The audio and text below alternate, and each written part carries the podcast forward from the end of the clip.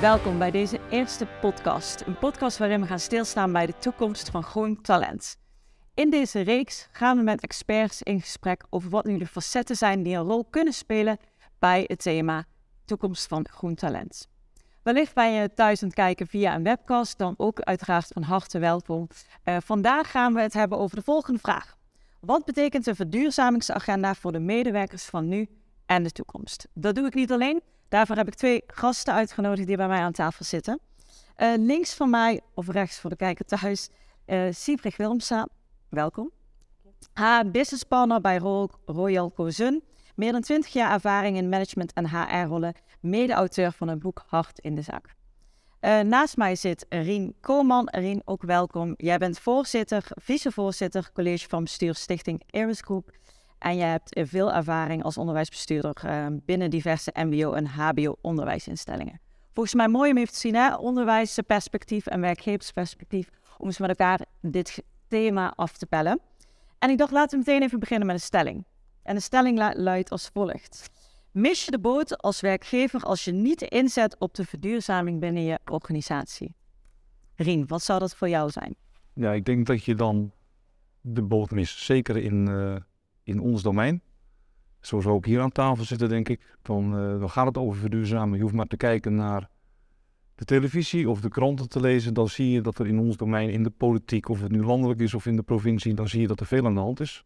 En dat draait eh, om onze sector en in onze sector.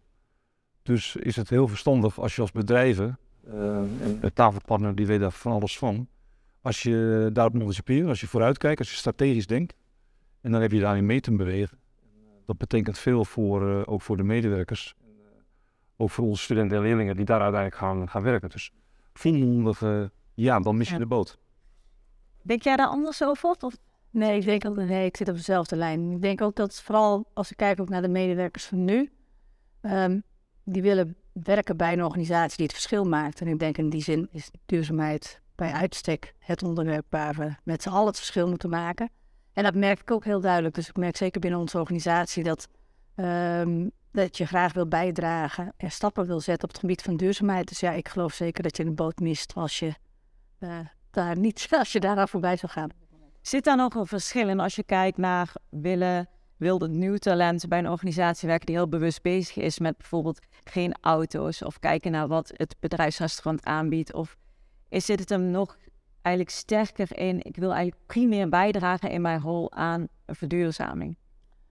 Uh, ik denk binnen een organisatie heb je heel veel verschillende medewerkers en elke medewerker wil op zijn of haar eigen manier aangesproken worden op het thema duurzaamheid. Dus dat is gewoon heel verschillend hangt denk ik heel erg van je rol en van je functie af en welke mate dat ook jouw werk raakt. Dus ik denk ook dat je als werkgever daar heel erg rekening mee moet houden. Van hoe zorg ik dat ik het voor iedere medewerker in mijn organisatie aantrekkelijk uh, herkenbaar maak wat we doen op het gebied van duurzaamheid. Dus dat, en, en dat is ook geen makkelijke klus. Uh, maar ik geloof wel, het is geen one size fits all. Het is gewoon niet zo. Wat is de grootste uitdaging binnen jullie organisatie?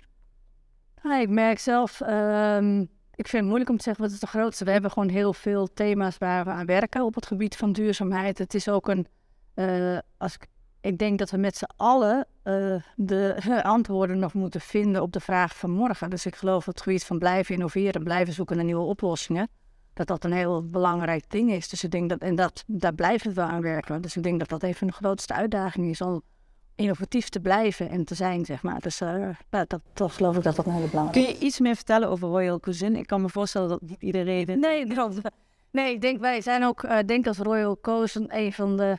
Nou, we hebben het ook wel, we zijn een grote onbekende. Onze naamsbekendheid is gewoon echt niet... Ja, dat weten we ook, hebben we ook getest. Van veel mensen kennen onze organisatie niet. Uh, als je kijkt van waar komen we vandaan, is het echt... we zijn een coöperatieve suikerunie, dat zit in Royal Cuisine. Dat, hè, dat is onze oorsprong. Maar inmiddels is uh, de bestaat uit onder andere, we zitten in suiker en we zitten ook, Avico is ook onderdeel van uh, onze organisatie. Maar we hebben ook, dat zullen de meeste mensen... Ja, de vetjes is voor heel veel mensen heel erg bekend, zeg maar. En suiker uiteindelijk ook wel, maar ook... Ehm, we hebben een nieuwe business, of een businessgroep, Duini, die doet heel veel als het gaat over de verwaarde van restproducten. We hebben nieuwe plant-based businessgroepen die zich helemaal inzetten op de eiwittransitie en plant-based proteïnes. Dus we zijn een, als organisatie heel erg in beweging naar een uh, duurzamere toekomst. We hebben daar heel veel in te doen met z'n allen. En daar, uh, ja, daar zitten op alle facetten zijn we daarmee bezig. Gigantische transitie. Als ik kijk even naar de onderwijs. Welke transitie herken jij daarin? Nou, ik denk dat in zekere zin, uh, nou, als je onderwijs in het algemeen of uh, het onderwijs waar wij dan in actief zijn, hè, laten we daar eerst maar eens mee beginnen. Dan denk ik dat de transitie waar wij in zitten als organisatie wel, wel lijkt op dat van, uh, van Royal Cozen. Van oorsprong bekend vanwege de suikerproductie. Eerst van oorsprong bekend vanuit de agrofoodproductie, landbouw. En je ziet daar een transitie in de maatschappij. Hè? Dat is een transitie van, van eiwit, eiwit van dierlijk, minder vlees eten meer plantaardig om deze wereld met elkaar wat beter door te geven. Uh, energietransitie, een hele belangrijke. Uh, vooral op het platteland wordt heel veel energie opgewekt, nieuwe energie, zonnepanelen, windmolens, straks wellicht waterstofproductie. Het gaat over biodiversiteit. Dat is eigenlijk weer een transitie terug. Hè, van waar is die biodiversiteit? In het landelijk gebied uh, sta je aan de lat met elkaar om daar weer oude waarden te herstellen in combinatie met landbouw, dus natuurinclusief, is ook zo'n transitie. Er zijn heel veel transities gaande uh, in ons domein. En wij lijken op, Kozen, op Royal Kozen omdat van oorsprong komen we ergens vandaan. Maar we zien dat de maatschappij zich een bepaalde kant ontwikkelt. En daar hebben we in mee te bewegen. Dus daar hebben wij onze studenten voor op te leiden. En ook onze docenten daarin mee te nemen. Heb je een voorbeeld, wat is het verschil met als ik nu uh, jullie, bij jullie in de opleiding zou komen in vergelijking met tien jaar geleden? Ja, dat zou je kunnen zien aan het portfolio. Hè? Aan het portfolio aan activiteiten, aan opleidingen wat we in huis hebben. Van oudsher uh, dierveehouderij op één manier. Uh, inmiddels op meerdere manieren. Biologisch dynamisch, biologische landbouw. Gewoon wat we nog gangbaar noemen. Maar die gangbare landbouw is al lang al niet meer die landbouw van, van 30 jaar geleden. Toen ik nog op diezelfde school zat. Dus je ziet het in het portfolio. Andere activiteiten uh, die inspelen op die transities, op energie. Je moet als, als ondernemer niet alleen verstand hebben van akkerbouw en landbouw, maar hoe pas je ook uh, energietransitie in? Dus straks krijgen we tractoren op waterstof, om maar wat te noemen. Nou, hoe, hoe, ga je daar dan mee om? Uh, in dit gebouw waar we vandaag zitten, daar, waar, wordt gesleuteld aan tractoren. Dat zijn nu nog diesels. Dat zijn over 20 jaar echt waterstoftractoren. Dus dat is wat we allemaal doen. Dat gaat over de inhoud. Maar wat je ook ziet, en dat is ook een hele belangrijke, maar dat is minder zichtbaar, is dat wij ook met die studenten in gesprek gaan. Waar voorheen iemand een bedrijfsopvolger was en die het gewoon deed zoals zijn ouders en de opa en oma's deden, dat zijn tegenwoordig ondernemers waarvan wij hopen dat we met hen in gesprek kunnen gaan en aan hen vragen, hoe zou jij dit nou zelf willen? Wat hoort er bij jou aan bedrijfsvoering en hoe kunnen wij jou helpen om ook die andere manieren van bedrijfsvoering uh, bij te brengen of, of je daartoe op te leiden, zodat je een keuze hebt en hoe durf je ook die keuze te maken. Dus het is niet alleen maar het zichtbare portfolio, het gaat ook over houding, gedrag, over moreel kompas. En daarover in gesprek gaan met jongeren, uh, zodat zij straks die goede keuze kunnen maken als ze een eigen bedrijf hebben, bij Royal Cozen, de groene veranderaars zijn, et cetera. Ja, en ik denk een van de belangrijkste dingen die ik misschien nog niet heb gezegd, is wij zijn een coöperatie van 86 van akkerbouwers. Dus we werken natuurlijk ook heel erg met nog met onze uh, akkerbouwers aan ook de verduurzaming op de akker. Dus ook dat is een heel belangrijk aspect zeg maar, binnen onze organisatie. Dus dat is ook een, uh, ja, in die zin denk ik dat er inderdaad heel veel op elkaar lijken. Ja, Al uit dat nee. Ook behoud, ja. ja. In welke rol verwachten ook uh, talenten of nieuwe mensen die de arbeidsmarkt betreden, welke rol verwachten ze daarin van een opleidingsinstituut en welke rol verwachten ze daarin van een werkgever? Zie je mensen die bij jullie komen solliciteren dat ze daar ook wel een bepaalde mate van, ja, dit verlang ik ook wel bij een werkgever waar ik wil gaan werken? Nou, wat ik heel erg merk is dat inderdaad mensen zich het liefst verbinden aan een werkgever die op een positieve manier iets wil bijdragen aan een betere wereld. Dus in die zin denk ik zeker dat uh, ik merk ook dat, uh, ja, wij merken echt dat veel mensen de naam Royal Kozen niet, niet altijd kennen. Uh, en als we in gesprek zijn en ze horen wat we aan het doen zijn, wordt iedereen heel erg enthousiast. Ja, en dan heb jij over die plant-based. Ja, onder andere. Ja, onder alle ontwikkelingen waar we mee bezig zijn. Dus je merkt dan ook dat het echt totaal geen moeite kost om mensen dan vervolgens naar binnen te halen. Het is wel zogenaamd bekendheid aan de voorkant waar we nog wel wat uitdagingen hebben. Maar als we met mensen in gesprek zijn, vertellen wat, hè, waar we allemaal mee bezig zijn binnen al onze businessgroepen, dan dan merk je dat mensen ja, eigenlijk direct daar wel onderdeel van uit willen maken. En ook zien dat we op een hele goede manier bezig zijn. Dus uh, ja, dat is eh, ook mooi om te zien. Maar ik geloof ook wel dat mensen zich daar dus heel graag aan willen verbinden of daarvoor willen inzetten. Zie jij een verschil van mensen die dus bij jullie eh, eh, komen van uh, boerenbedrijven uit volgens mij alle windhoeken van Nederland? Zie je daar ook een verschil in, in geluiden die je hoort, in hoe deze nieuwe talenten naar de toekomst kijken? Verschillen ten opzichte van elkaar of ten opzichte van, van, of? van, van elkaar? Ja, dat, dat is, die, die verschillen zijn enorm. En dat hangt er een beetje vanaf waar staat je wiek of, of wat is je eigen persoonlijkheid, uh, wat is je leeftijd, welk opleidingsniveau. Hè? We, we VMBO's, MBO's, HBO's, we hebben leven lang ontwikkelaars. Hè? Dat zijn mensen die, die al een beroep hebben en die altijd niet vanwege hun eigen intrinsieke motivatie of omdat de werkgevers die hier ook zitten dat van hen verlangen. Uh, dus dat is niet één verhaal. Je hebt, je hebt erbij die bij ons uh, denken het gewoon te gaan doen zoals hun ouders doen en dan bij ons in dat ingewikkelde gesprek plotseling raken. Ja, wordt dat ervaren als uh, ingewikkeld? Nou, dat, dat, wordt soms wel ervaren. Stel je, stel je voor als je thuis uh, altijd gedroomd hebt die bedrijfsopvolger te zijn, of je wordt, dat, dat wordt eigenlijk gewoon van je verwacht. Hè. Dat is soms ook nog een, eh, een cultuur. Um, en je wordt op school wakker gemaakt dat je denkt van hé, hey, dat kan ook anders. Dan kan je best wel in een ingewikkelde situatie terechtkomen. Nou, omdat je thuis met je vrienden weer in die mooie kate zit voordat je gaat stappen. En die vertellen dat andere verhaal. En dan moet je best wel goed van goede huizen komen, of een goede opleiding hebben, of een goed gesprek, of een uit de rij durven stappen om te zeggen: ik ga dat anders doen. Niet dat anders beter is, maar gaat er bij ons vooral om dat je weet dat je het besef hebt dat er in deze wereld iets moet veranderen. Dat je daar zelf een bijdrage aan kan leveren. En als je dat dan weet wat er bij je hoort, dat je dat ook durft te doen. Dus ik hoop dat de kinderen op het VMBO, maar dat de studenten op het MBO en het HBO er anders bij ons het gebouw verlaten met een diploma dan dat ze bij ons binnenkomen. Dus dat ze niet alleen qua inhoudelijke bagage meer mee hebben genomen, maar ook een, een competentie in houding, gedrag, lef, uh, moreel besef. En die gesprekken voeren wij met onze docenten, met, met hen. Waarbij ook nog alle docenten dit nog niet kunnen. Dat wil even vragen. Welke rol hebben docenten hierin en welke transitie hebben zij daarin wellicht moeten doormaken? Ja, we zijn nu bezig met een, met een strategieproces binnen IRIS. En merken dat dit wel een van de grote vragen wordt. Dus ik heb ook nog niet altijd het antwoord hierop. Uh, als je dit met je studenten wil doen, deze beweging maken, zodat je ook de werkgevers daarin kunt uh, bedienen uiteindelijk. Uh, dan vergt dat ook van onze docenten, waarvan een aantal gewoon met één been midden in de praktijk staan, want die hebben ook hun bedrijven. Uh, daar hebben we binnen ook veel te doen om mensen mee te nemen. En, en, het past dus ook niet bij ons om in één keer een hele haakse bocht te nemen van nou zijn wij plotseling hiervan, want dan verlies je heel veel mensen als je impact wil maken, dat zal ook wel met die akkerbouwers aan de orde zijn, dan wil je ze eerst in huizen hebben en houden en daarna vervolgens met elkaar meenemen. Dus dat vergt een eh, best wel ingewikkeld HR-traject. Eh, dus dat, dat nou, misschien komen we dan wel bij elkaar terug. Gewoon dat is bij jullie vragen hoe dat, uh, hoe dat dan moet. Uh, om ook onze mensen mee te nemen. Als je kijkt naar, want we hebben het dan over transitie, hè, dat daarin worden ook mensen meegenomen, maar je kunt hem ook uh, plaslaan in de zin van wat, wat is eigenlijk verduurzaming? Hè? Dus welke indicatoren laten dan in binnen een bedrijf zien dat je klimaatneutraal bezig bent of hè, bezig bent met CO2-reductie. Waar eerst dat volgens mij nog best wel was van we kiezen, het is een vrijwillige keuze hoe je daarnaar kijkt, wat je daarin doet, hoe je dat ook meet. Worden daar steeds wel meer ja, wet en regelgeving kijken, zo kijken we naar uh, klimaatneutraal of zo meten we CO2-reductie. Hoe, hoe kijken jullie daarna? Wat doen jullie daarin binnen Royal Procent? Nou, we zijn daar veel mee bezig. En ook, ik denk, een van de dingen die je al aangeeft, is het meetbaar maken. En om het inzichtelijk te maken. En het is best een, dat is een hele lastige puzzel. Dat is gewoon echt altijd best wel ingewikkeld ook.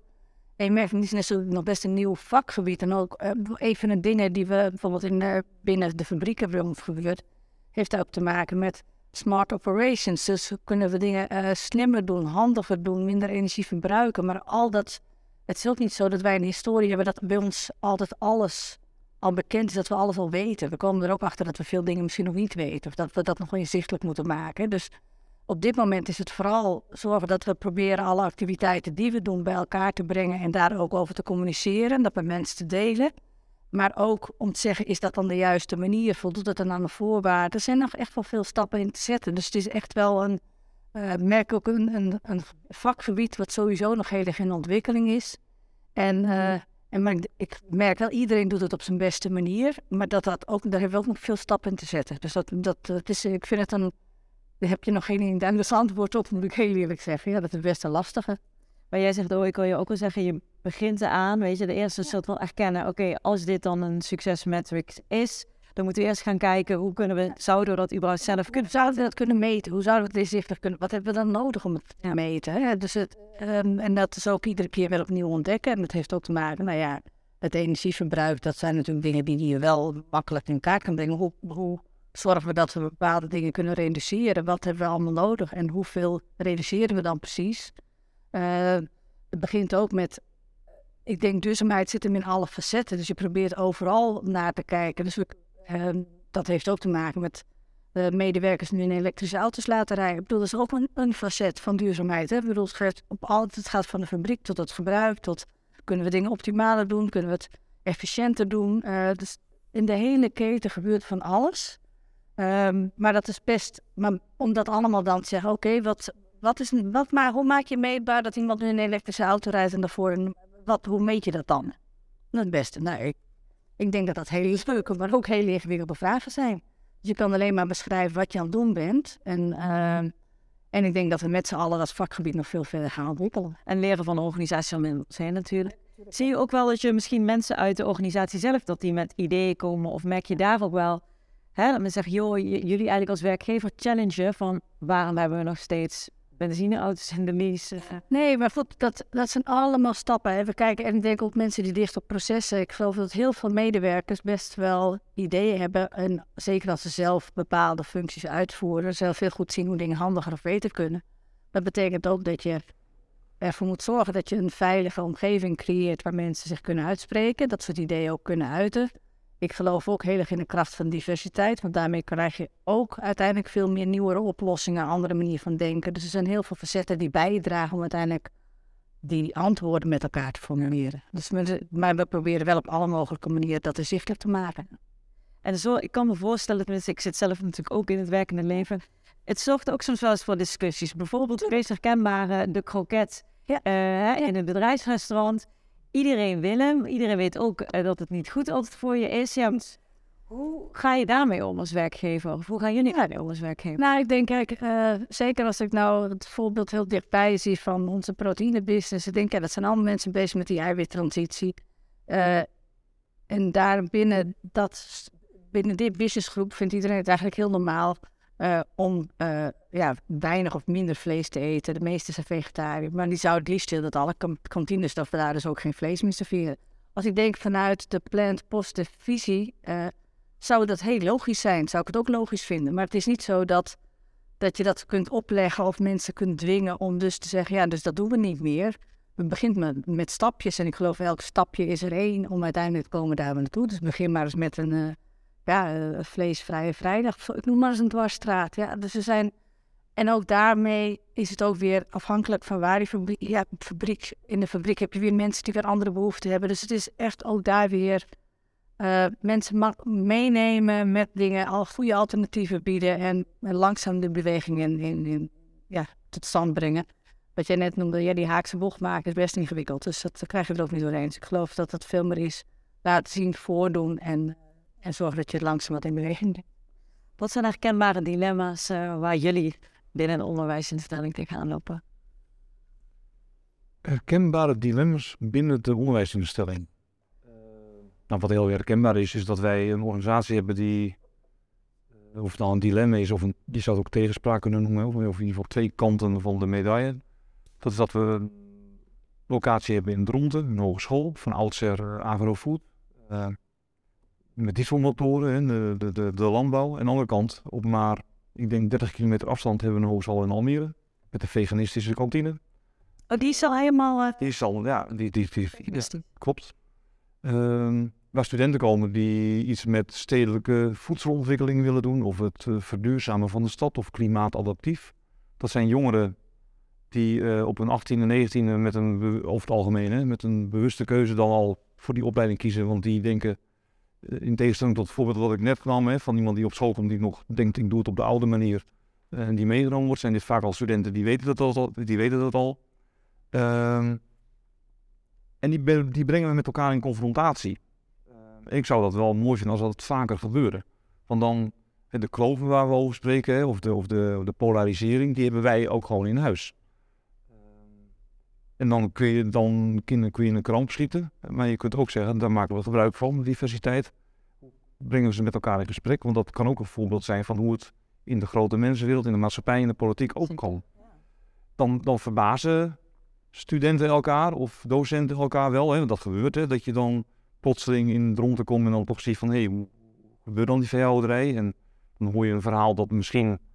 Uh, een, een, een kalf weghalen bij de koe misschien wel gezonder is voor het kalf dan er bij elkaar laten. Hè? Terwijl dat mentaal misschien in ons model eigenlijk heel anders is. Terwijl als je op basis van onderzoek kan je wel eens tot een hele andere conclusie komen. Uh, dus, dus er zijn dilemma's in de zin van dat je, dat je omdat je beweegt, uh, kom je nieuw en oud komen elkaar tegen. En daar, daar zul je wat mee, mee moeten. En dat kun je ook gewoon benutten door daar het gesprek met elkaar uh, te laten voeren. Dus kon je ook wel zeggen, het zit hem ook soms meer in ja, het andere geluid. Dus even met elkaar dus in gesprek gaan hoe mensen naar bepaalde uh, aspecten kijken. Ja. En daarin eigenlijk ook wel nieuwsgierig zijn. Dat is misschien wel een randvoorwaardelijk voor Absoluut. het succes hiervan. Absoluut. Een van de, van de belangrijkste competenties of vragen, denk ik, die we aan studenten zouden moeten stellen. Of die we zouden, die studenten zouden moeten meegeven. Dat als je, eh, als je werkt aan transities en je neemt daar zelf een rol in, dan is een dan is een onderzoekende houding, hè, dus de vraag willen en durven stellen, is veel belangrijker dan, nog belangrijker dan de feiten kennen. Die, die ken je daarna wel. Maar als je geen onderzoekende houding hebt, dan kun je ook nooit die, uh, die uh, kloof overbruggen of dat gat. Een ander dilemma, want ik had even denktijd. Uh, dat is wel, als je nou groene veranderaars, hè, zo noemen wij leerlingen, studenten die we opleiden, die in ons domein alles weten over groen, maar die ook de competenties en de houding en het lef hebben om veranderingen teweeg te willen brengen en te kunnen brengen, is dan de vraag, over voorleven gesproken, vergt dat dan van mij als bestuurder of van mij als docent dat ik dan ook die groene veranderaar ben? Mag ik dan ook maar twee dagen in de week vlees eten? En weet je dat, dus uh, moeten wij ook al die gebouwen sneller verduurzamen dan? Hè? Dus dat, en dan heb je een dilemma van, ga ik die laatste 100.000 euro stoppen in zonnepanelen op mijn schoolgebouw? Of wil ik dan die docent uh, of, of, dat die kwaliteit van het onderwijs verbeteren. Dus dat zijn ook wel dilemma's. Practice what you preach, hè, gaan we dan over. Ik denk super herkenbaar voor heel veel werk. Ja, en dat is best, dat is best een ingewikkeld. Dus waar begin je dan? Wat zal voor jou zijn en wat? Nou, in ieder geval gesprekken over voeren. Uh, nieuwe dingen aandacht geven en daar wel in investeren. En, en oude dingen, denk ik, uh, daar dan niet meer in investeren. Maar ik denk dat het echt van wezenlijk belang is dat als je in het onderwijs uh, studenten en leerlingen wil meenemen op de verschillende paden, dat je dan ook dat moet laten zien. Daar staan we als eerst ook bekend om. Een, een hele praktijkgerichte hybride leeromgeving. Dus dan moet je dat ook wel herkennen op de plek waar je studeert. Dus dan zou je, als je dan, hè, er zijn panelen op het dak. En dan is het ook belangrijk, denk ik, dat je zorgt dat je hè, over de data, dat je dat dan ook zichtbaar maakt. En dat je dat dan meeneemt in je, in je curriculum. Dat je daar dan dat je die studenten en die leerlingen zegt van, ja, wat hebben we dan gedaan in deze omgeving? Dat je dat al terug laat komen in, in, uh, in, je, in je methode en in je curriculum. Volgens mij, als ik zo kijk, we zijn er nog niet. Het levert dilemma's op, maar kon je ook zeggen, weet je, elke stap is er één. En daarin heb je groene veranderaars en dan maakt eigenlijk dan ook niet uit of je daarin net nieuw de arbeidsmarkt in komt. Of je zegt van, weet je, maar ik zie de urgentie, we moeten hier wel met verschillende blikken naar kijken hebben we elkaar eigenlijk allemaal bij nodig om die antwoorden met elkaar uh, te vinden. We komen ook alweer bijna aan het einde van deze aflevering. En ik ben even benieuwd als ik jullie nou zou vragen voor de luisteraar. Als je nou één tip of advies zou willen meegeven, wat zou dat dan zijn? Laat bij jou beginnen. Nou ja, ik heb op het gebied van duurzaamheid, wat dat betreft, denk ik, en dat ik geloof echt dat elke stap erheen is. Die je gewoon zelf als mens maakt en die als organisatie maakt. En alles wat we kunnen doen, um, ja, dat gaat helpen. Dus ik, ik, ik geloof dat we daar met z'n allen uh, gewoon echt stappen in te zetten hebben. Dus, uh, en dat begint bij jezelf. Dus laat je niet afschrikken misschien wel door de wellicht soms grootte of complexiteit. Nee, Kleine stappen zetten, ja. is ook wel. Ja, how do you an elephant step by step geloof ik, is zo'n mooie uitspraak. Dat is ook weer wel vlees, dus dat is weer minder. Maar nee, dat ik, ik geloof wel dat het echt alles gaat met stapjes. Dus ik geloof wel klein, liever veel kleine stapjes dan proberen in één keer een heel, hele grote te zetten. Zal je voor jou zeggen? Ja, in de veronderstelling dat de luisteraars uh, vooral ook werkgever zijn hè, in ons domein. En die ook uh, studenten of afgestudeerden van het uh, binnenkrijgen. Haal vooral jonge mensen in huis. Die, Dat zijn bijvoorbeeld al mensen die eh, over wiens toekomst dat gaat. Hè? In deze thematiek van duurzaamheid, het gaat over hun toekomst. Dus als er, er medewerkers zijn binnen je bedrijf die daar zeker aan denken, dan zijn het die jongeren. Eh, en ze hebben de creativiteit en de opleiding en, en de mindset om ook die veranderingen teweeg te brengen. Haal ze dichtbij je, ook als, als, als bestuur, als directie. Als, is dat dan ook nog wel een voorbeeld? Want ik hoorde hem nog zeggen, doe je dat al zelf? Hè? Dat is dan, ja, we, we hebben medezeggenschap, en, maar dat zou dan wel vaker kunnen. Van, haal jonge mensen dichtbij je, ook bij de besluitvorming. Die even die prikkelende eh, mindset en van, oh ja, dat niet aan gedacht me niet. Exact. Misschien. Ik denk Dat is dat wel een tip aan mezelf en een, aan de luisteraar. mooi, mooi tip. Dan gaan we hem zeker weer afsluiten. Wil je nou meer weten over dit thema of denk je van, hé, hey, wat betekent dit nou eigenlijk voor mij? Waar zou ik kunnen beginnen? Eh, check dan de website van Aris Agree voor de contactgegevens en dan eh, kunnen ze bij jou zeker verder helpen.